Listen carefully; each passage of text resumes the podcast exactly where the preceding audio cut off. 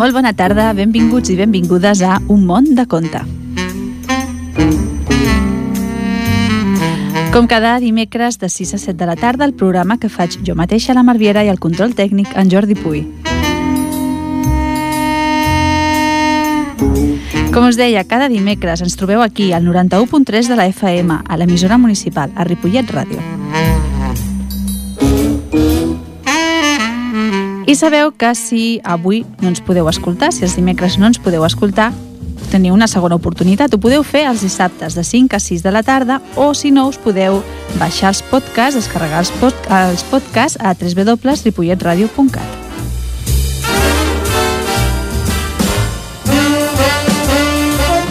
Doncs aquest dimecres que comença a semblar que sigui doncs que això, que venen pluges, com ja ens havien estat dient els homes i les dones del temps, doncs portem històries avui dedicades als més petits. Portem contes dedicats a nens d'entre 5 i 6 anys. O sigui que aquesta és la franja que tocarem avui. Els títols de les històries que portem, dels contes, són aquests, La guineu i els sis gats, La cassola màgica, La tíbels i l'oca grisa i alerta amb el ninot de neu. I avui, a la part musical, tindrem els Chicago. If you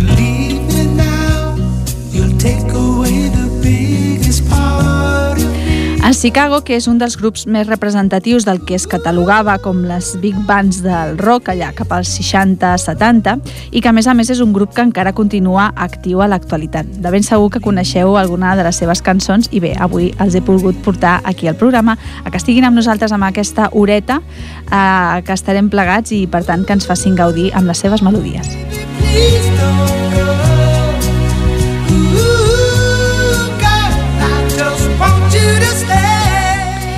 Doncs bé, abans de començar amb els contes, eh, us volia parlar d'una publicació. Sí, sí, d'una revista us vull parlar. Una revista que ja té bastants anys, té bastanta tradició, perquè a més a més jo recordo quan era petita haver vist algun exemplar d'aquesta revista doncs, o bé per l'escola o a casa que me l'enviaven per correu. No és una altra que la revista Cavall Fort, eh, segur que, que n'heu sentit a parlar. Doncs bé, al desembre de l'any 61 naixia aquesta revista i des de llavors doncs, eh, Cavall Fort ha fet un llarg camí sense perdre mai de vista doncs, quins eren els seus objectius essencials, quins eren els objectius que es marcaven.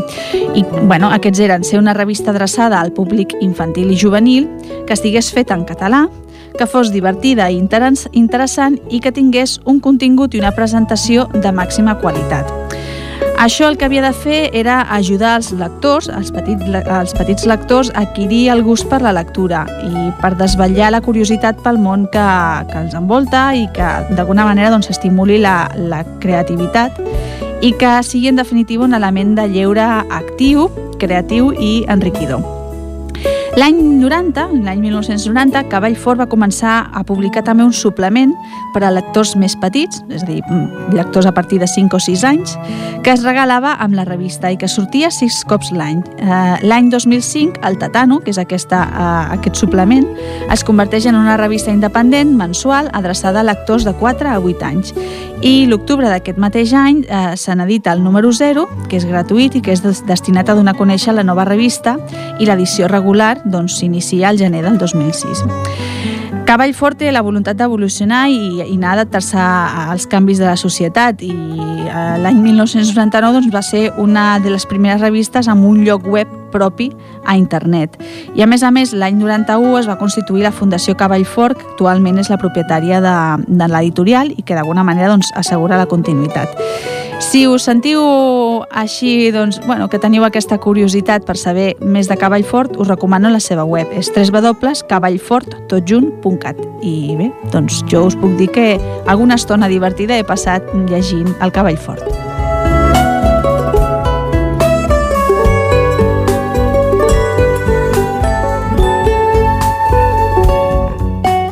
Doncs bé, Comencem amb aquests contes, amb aquestes quatre històries que, com deien, doncs avui dediquem als lectors més petits, no? doncs aquells que tenen entre 5 i 6 anys. La primera història, com us deia, és la que es titula La guineu i els sis gats. Hi havia una vegada una velleta que es deia senyora Esclops i tenia sis gats, un de marró, un de negre, un de blanc, un de vermellós, un de tigrat i un de multicolor. Cada dia per sopar, la senyora Esclops els posava sis plats amb llet i peix bullit que es cruspien en un tres i no res. Als gats els agradava tant el peix que no en tenien mai prou. Si sabéssim on viuen els peixos, en podríem anar a buscar més, va dir, va dir el gat negre llepant-se els bigotis. Jo ho sé, va exclamar el gat vermellós. Viuen al riu que passa pel prat que hi ha al final del nostre jardí. Ahir a la nit, mentre passejava, vaig veure un home que portava una canya llarga i fil de pescar. Va llançar el fil dins del riu i al cap d'un moment el va treure de l'aigua i hi havia un peix cargolat al final. On hi ha? va dir el gat blanc fet un gran badall. Així que viuen allà, però com els agafarem si no tenim ni canya ni fil? Després de sentir les explicacions del gat vermellós, cada gat va decidir que aquella nit aniria a veure el pescador i que no ho diria als altres. Així doncs, quan es va fer fosc, cadascú per separat es va posar en marxa en direcció al riu. Caminaven tots tan silenciosament que cap d'ells no es va donar de la presència dels altres. El pescador era a la vora del riu. Havia posat l'esquer al, final de, al fil de pescar i estava a punt de llançar-lo a l'aigua. Aleshores es va posar la mà dins la butxaca per treure'n la pipa, perquè li agradava molt fumar sota la llum de la lluna mentre esperava que els peixos piquessin però se l'havia deixat a casa seva, que era a l'altra banda del prat. Ostres, va exclamar el pescador malhumorat, hauré de tornar a casa a buscar la pipa. Bé, deixaré la canya aquí. Suposo que mentre sóc fora cap peix no picarà l'am. Va deixar la canya a terra i se'n va anar, però encara no havia fet ni dues passes quan un peix enorme va mossegar l'esquer i va picar l'am.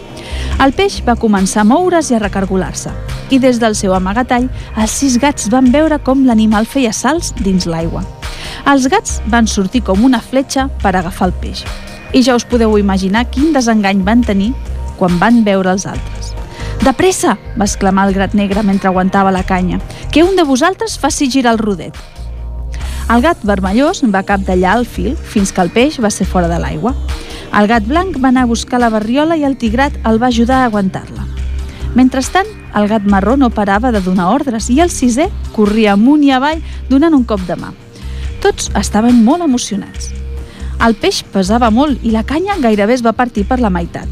El gat negre amb prou feines podia aguantar-la i tenia por de, caire de caure a l'aigua.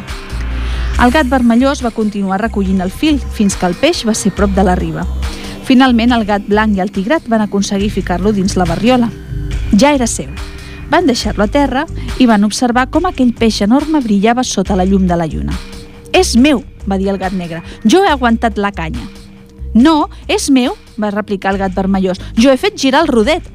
Sí, però jo he anat a buscar la barriola, va exclamar el gat blanc. I jo t'he ajudat a aguantar-la, va dir el tigrat. Jo us he dit que havíeu de fer, va exclamar el sisè. A més, estic segur que heu vist el peix, que he vist el peix abans que vosaltres. Hauria de ser per mi. Tots sis van posar-se a discutir i una guineu que passava per allà els va sentir i s'hi va acostar per saber què passava.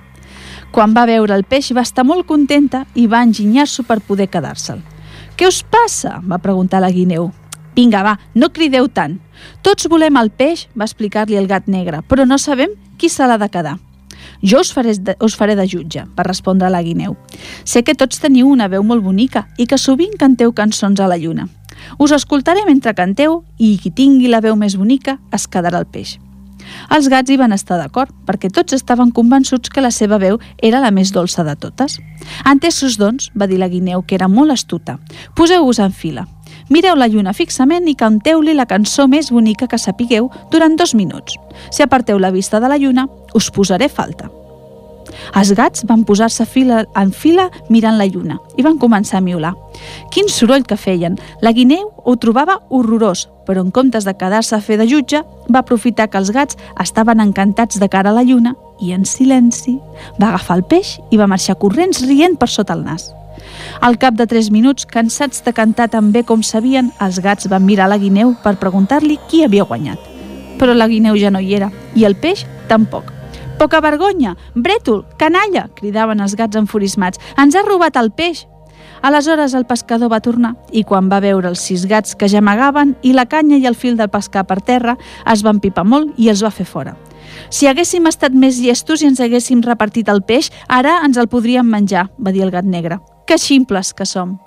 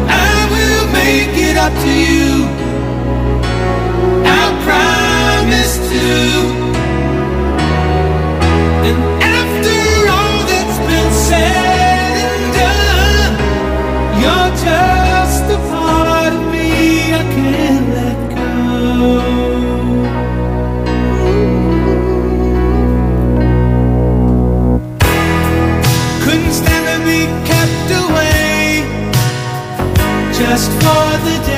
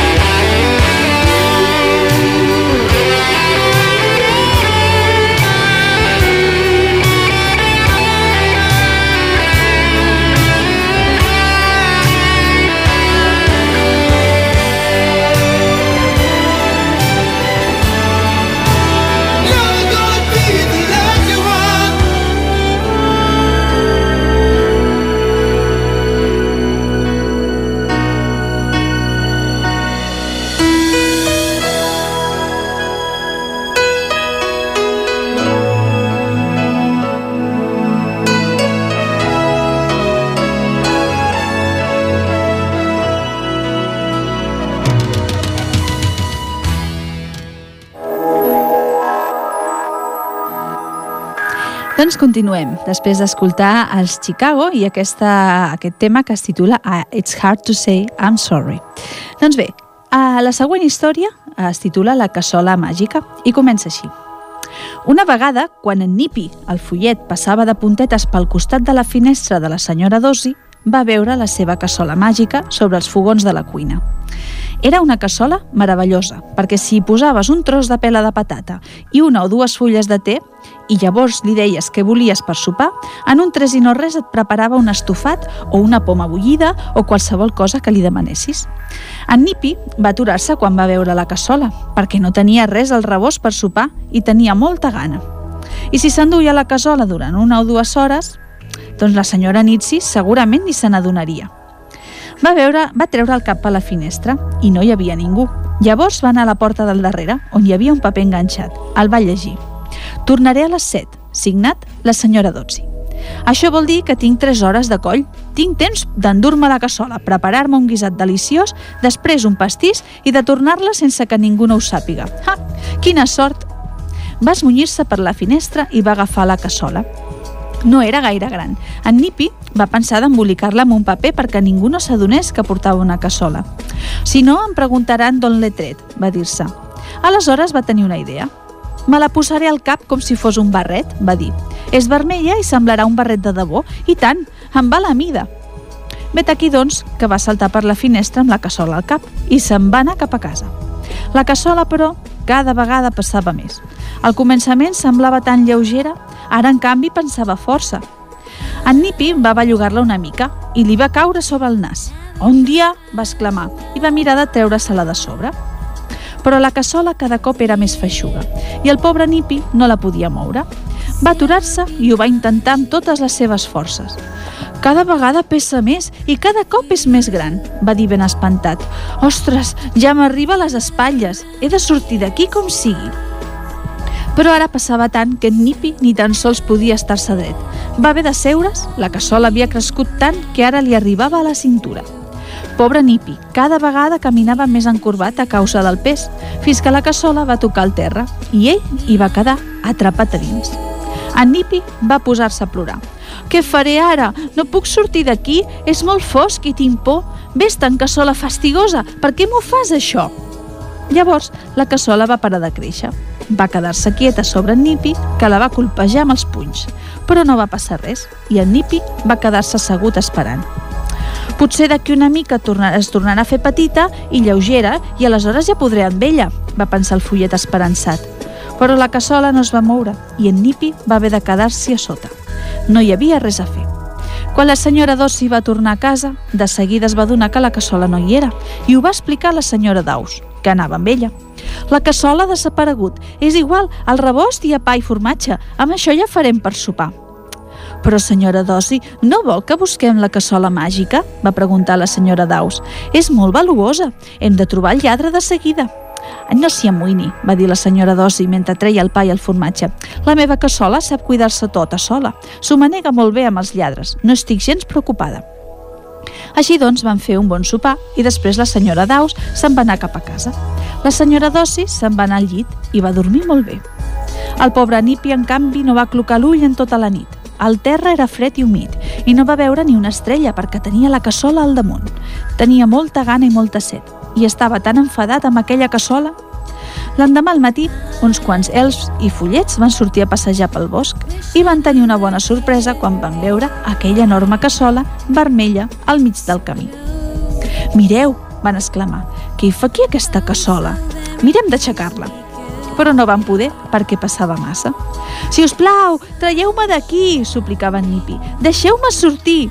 Els follets van fer uns ulls com unes taronges quan van sentir que la veu d'en Nipi sortia de sota de la cassola.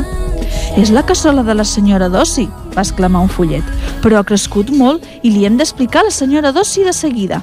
No, no, somicava en Nipi espantat. Els follets i els elfs, però, van anar corrents cap a casa de la senyora Dossi, que no es va sorprendre gens quan els va veure va sentir el que li explicaven. Esperava que vingués algú a dir-me on és la meva cassola, va dir. Se'n surt molt bé amb els lladregots. Anem a buscar-la. La senyora Dossi va anar cap al bosc i va donar uns copets a la cassola. Qui hi ha aquí sota? va preguntar molt enfadada. Soc en, en, en Nipi, va contestar el follet amb un fil de veu. I no, només volia fer servir la cassola una estona, senyora Dossi, i, i miri què m'ha fet. Ja t'està bé, va replicar la senyora Dossi. Espero que et serveixi de lliçó. I suposo que a partir d'ara no agafaràs les coses que no són teves sense demanar permís abans. M'estic pensant de deixar-te aquí tot el dia però no ho va fer.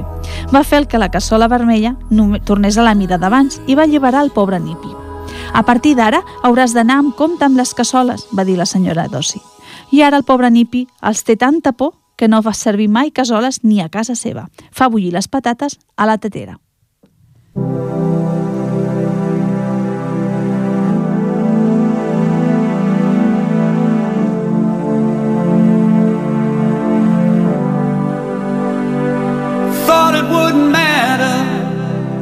If we didn't stay together. And if it was over, maybe it was for the better. I was thinking I'd be alright till I thought it all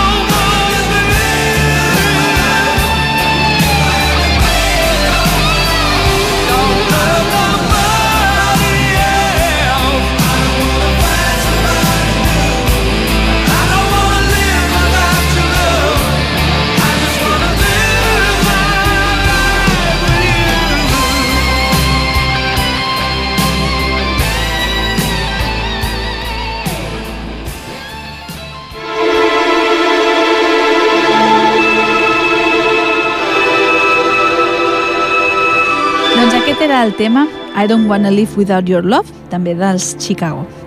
Bé, la tercera història que portarem, o que portem avui aquí a l'Un món de contes titula La Tibels i l'Oca Grisa. Recordeu, doncs, que aquestes històries són adreçades als infants més petits.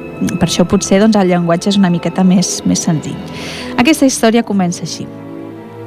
La Tibels era una petita gata tigrada Tenia quatre gatets que dormien en una cistella al costat de la llar de foc de la cuina i n'estava molt orgullosa. La cuinera cuidava molt bé de la Tibbles. Al matí li donava un platet amb pa sucat amb llet. Per dinar, pa amb suc i a la tarda, peix amb llet. Per tant, la Tibbles tenia tot el menjar que volia i no havia de sortir a fora a buscar-ne. Al jardí vivien dos tors marrons, en Freckly i l'Speckley. S'estimaven molt i havien construït un niu molt bonic a l'arç que hi havia davant la finestra de la cuina. L'Speckley havia, pos, havia post quatre ous i els covava tot el dia. En Freckly li anava a buscar menjar i sovint picotejava les engrunes que la cuinera posava a l'ampit de la finestra. Ben aviat, els quatre pollets van sortir de l'ou. Van créixer molt de pressa i els van néixer unes plomes molt boniques. Però llavors la Tibbles ho va espatllar tot. Un matí es va enfilar a l'arç i va agafar els ocellets del niu. No tenia gana perquè la cuinera li havia preparat un bon dinar, així que va deixar els ocellets a la gespa perquè en Whiskers, el gat de la casa del costat, se'ls pogués cruspir. En Freckly i l'Especli, els torts estaven molt, molt tristos. Van anar a trobar la Tibbles i la van escridassar. Li van donar cops amb les ales i van intentar picotejar-la. Però ella no s'avergonyia gens del que havia fet. En Freckly i l'Especli van construir un altre niu. Aquesta vegada van anar a viure al castanyer perquè pensaven que aquell lloc seria més segur. Però la Tibbles es va espiar i va pujar a l'arbre per veure si hi havia ocellets. Com que només hi va trobar ous, va baixar del castanyer. Què farem? va preguntar l'Especli molt alarmada. Així que els ocells sortin de l'ou, aquella gata malvada ens tornarà a robar els nostres fillets. Què podem fer per aturar-la? No ho sé, va contestar en Freckly. Em sembla que aniré a demanar consell a la vella oca que viu al costat de la tanca. Potser ella ens ajudarà. En Freckly va anar a trobar l'oca grisa i li va explicar el que havia fet la Tibbles. L'oca el va escoltar amb atenció i va fer un xiulet quan va sentir que la gata els havia robat els ocellets. No et preocupis, va dir l'oca cloquejant. Donaré un espant tan gros a aquella gata que mai més tornarà a empipar la teva família. En Freckly va tornar a casa seva i va dir a la seva dona que estigués tranquil·la. Després va anar a veure què pretenia fer l'oca grisa. Era un animal intel·ligent. L'oca va creuar la tanca i va anar de dret a la cuina. Va estirar el coll, va treure el cap per la porta i va comprovar que no hi havia ningú. Va entrar a la cuina i es va dirigir cap a la cistella on hi havia els quatre gatets. En va agafar un amb el bec i se'l van portar al seu cobert. El va deixar a terra i va tornar a buscar-ne un altre. Quan se n'havien adut tres i anava a buscar el quart, va trobar la Tibbles. On són els meus gatets? va exclamar la Tibbles molt esverada. Només n'he trobat un. Xxt, va fer l'oca grisa i va entrar a la cuina. Amb, amb gran sorpresa i espant per part de la Tibbles, l'oca va agafar l'últim gatet amb el bec i se'n va anar. Què fas? va dir la Tibbles enfurismada. Torna'm els gatets immediatament però l'oca grisa no li feia cas. Cada vegada que la Tibbles s'hi acostava, batia les ales i només deia «Xxt!» ben fort. La Tibbles la va seguir fins al cobert. L'oca va deixar l'últim gatet amb els altres, va fer sortir la Tibbles a fora i va tancar la porta amb el bec. Els gatets no paraven de miular i la Tibbles rascava la porta i també miulava. Escolta'm, Tibbles, va dir l'oca grisa molt seriosament. Tu vas agafar els fills dels torts, oi? Doncs perquè jo no puc agafar el, i fer el mateix amb els teus fills? Si et va semblar bé robar els ocellets del pobre Fecli, també està bé que jo m'endugui els teus gatets. No, no, no, no ho pots fer, això, va miular la Tibbles amb desesperació. Ja sé que vaig actuar malament, no ho tornaré a fer mai més, però torna amb els meus gatets, o que grisa. Et prometo que mai més no tornaré a robar ocellets. Però tu vas donar els fiets d'en Freckly a en Whiskers perquè se'ls mengés.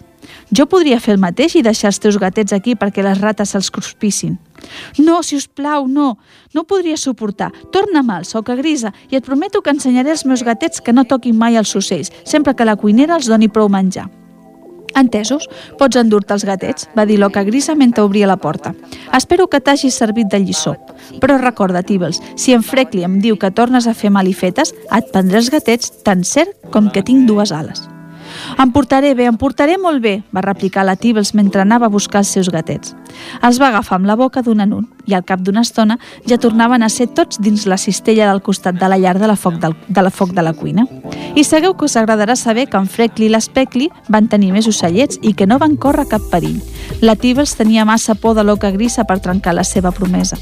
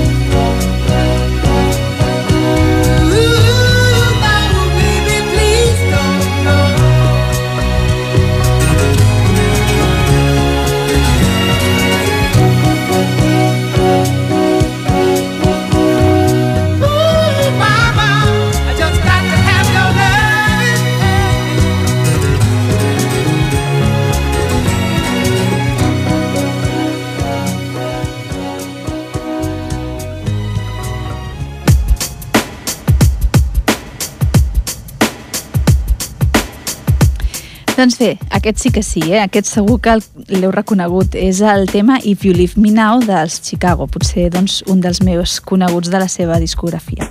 Doncs bé, Uh, anem per la quarta història, pel darrer conte que tenim avui preparat al programa. Uh, es titula Alerta amb el ninot de neu i sobretot doncs, després del dissabte passat que ens vam aixecar amb Ripollet doncs, blanc, tot i que després la neu va durar poc, doncs bé, m'ha semblat bona idea doncs, portar un conte sobre un ninot de neu. Comença així. La senyora Tapany no s'ho podia creure. Tenia 12 gallines i tot d'una havien deixat de pondre ous. Fins ara eren bones ponedores, va explicar la senyora Tapany al senyor Pico, el seu veí. I ara amb prou feines ponen ous. Què els deu passar? Potser els he de donar alguna medicina? O potser les he de renyar? Què li sembla, senyor Pico? No, no, va contestar el veí. Les seves gallines fan bona cara, senyora Tapany. Potser els seus fills han entrat al galliner i s'han endut els ous. No, de cap manera. Sempre em porten els ous que troben als nius, va replicar la senyora Tapany. No sé què faré, senyor Pico. Els nens en mengen molts, que els donaré per esmorzar. Escolti'm, senyora Tapany, va dir el senyor Pico donant voltes a l'assumpte. Em sembla que un lladre li deu robar els ous durant la nit. Deixin dos en un niu i demà al matí comprovi si encara hi són. I així ho va fer. La senyora Tapany va deixar dos ous en un niu i l'endemà al matí va anar a veure si encara hi eren. Havien desaparegut. La senyora Tapany va anar corrents a explicar-ho al seu veí. Els dos ous no hi són i no en queda ni una a les caixes. Hi ha un lladre, hi ha un lladre, senyor Pico. Hi ha un lladre, segur. Què he de fer? Vagi a veure el senyor, el senyor Plot, el policia, i explica-li què ha passat, li va aconsellar el seu veí. Ell sabrà què s'ha de fer. Així doncs, la senyora Tapany va anar a veure el senyor Plot, que la va escoltar atentament. Després, el policia va treure una gran llibreta negra. Escolti'm amb atenció i faci exactament tot el que jo li digui, va dir el senyor Plot. Torni a casa i digui als seus fills que facin un gran ninot de neu al costat del galliner i que el deixin allà tota la nit. I si quan es fa fosc em veu rondar pel seu jardí, no s'amoïni. La senyora Tapany va dir als seus fills que fessin un gran ninot de neu al costat del galliner. Els nens, molt contents, van sortir corrents al jardí. Al cap d'una estona ja havien enllestit la feina. El ninot de neu tenia un cap gros i rodó, un tronc llarg, unes quantes pedres que feien d'ulls i de botons i un branquilló que servia de boca. La senyora Tapany va donar als nens un barret vell i un xal perquè el guarnissin. Ara sembla una nina de neu i no un ninot de neu, va exclamar, van exclamar els nens. Oi que és bonic, mare? Sí, molt bonic, va respondre la senyora Tapany, que es moria de riure quan veia el ninot de neu vestit amb el seu barret i el seu xal vells. Ara entreu a casa a berenar, aviat es farà fosc. Van deixar el ninot de neu al jardí i van anar tots a berenar. Quan es va fer de nit, la senyora Tapany va sentir els passos al jardí i va pensar que devia ser el senyor Plot. Sí que l'era. El policia va acostar-se al galliner i va trobar el ninot de neu. El va il·luminar amb la llanterna i va somriure. Quina criatura més graciosa! El senyor Plot va desfer el ninot completament i es va col·locar en el seu lloc. Va posar-se un abric blanc sobre l'uniforme, el barret vell i el xal vermell i va quedar-se ben quiet. Quan els nens van mirar per la finestra, abans d'anar al llit, van esclatar a riure. Mira el nostre ninot de neu, quina gràcia que fa! Sembla més alt que abans, va observar un dels nens. No pot ser, va replicar un altre nen. Els ninots de neu no creixen però el seu sí que havia crescut perquè el senyor Plot era força més alt que el ninot de neu. El policia va quedar-se allí dret, esperant pacientment. Al cap d'una bona estona, algú va saltar la paret del jardí. El senyor Plot de seguida va veure qui era. És clar, el trapeia d'en Novi, el petit follet, va dir-se el policia. Ja m'ho semblava que feia entremaliadures. El follet Novi va acostar-se a casa sense fer gens de soroll. Tot d'una va veure el ninot de neu o el que ell es pensava que era un ninot de neu, i va aturar-se espantat. Després va fer una rialla de follet. Només és un ninot de neu, et pensaves que m'espantaria, oi? Doncs no. El follet va entrar al galliner i em va sortir amb una bossa plena d'ous. Un dia, quin botí! Després va acostar-se al ninot de neu. Ninot de neu, que n'ets de ximple. T'agradaria explicar el que faig, oi? Però no ho pots fer. I aleshores, amb gran espant per part del follet, el ninot de neu va estirar el braç i amb una veu molt gran va dir, amb una veu molt greu va dir «Vine amb mi!». Una mà molt grossa va agafar el follet ben fort i després el va sacsejar. «Deixa els ous a terra, lladregot!», va exclamar el ninot de neu. El follet novi estava tan espantat que va llançar els ous. Per sort, van caure sobre la neu i no es van trencar. Si, si us plau, si us plau, deixa'm anar, suplicava el follet. Qui ets? No havia vist mai un ninot de neu que parlés. El senyor Plot no va dir res. Van portar-se el follet a la comissària de policia i aleshores en Novi es va donar de qui l'havia enxampat. Era el senyor Plot, el policia. L'endemà al matí el senyor Plot va anar a veure la senyora Tappenny. He enxampat el lladre, li va explicar el policia. Era en Novi, el follet. L'he fet fora d'aquí i li he fet pagar una multa de 10 peces d'or. Tingui, li serviran per pagar tots els ous que li ha robat. Em vaig fer passar pel ninot de neu, senyora Tappenny. Oh, m'hauria agradat molt veure el guarnit d'aquella manera, va, explicar, va, va exclamar la senyora Tappenny. Aquest matí els nens no entenien què li havia passat al seu ninot de neu. Estaven molt tristos. Compri'ns uns, quants, uns quants caramels, va dir el senyor Plot, i expliqui'ls que m'he posat el barret i el xal, així els passarà l'enrabiada. Els nens van riure molt quan la seva mare els ho va explicar tot. Per cert, des d'aleshores en Novi no li agraden gens els ninots de neu.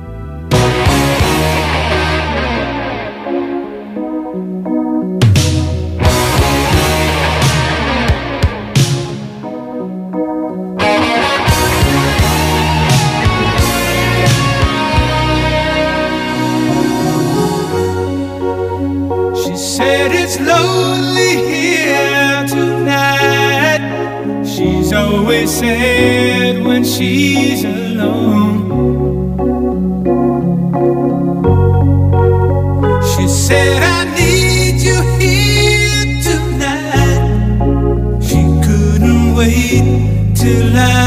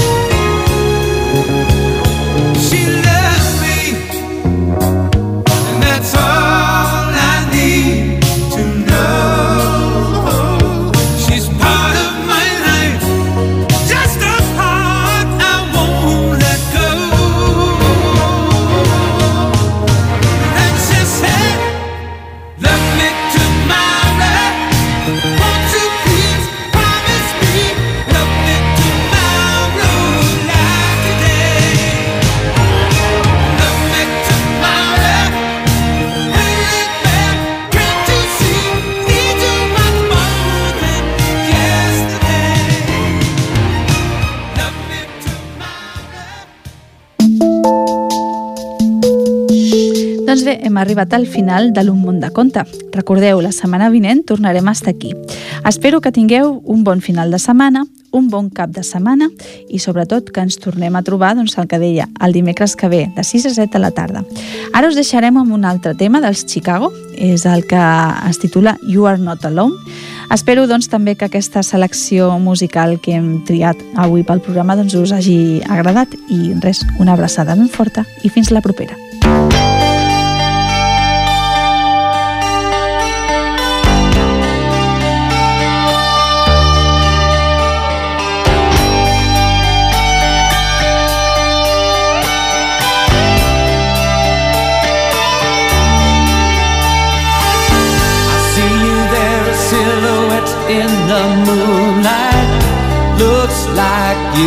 Given up on love. You used to be the face in the spotlight.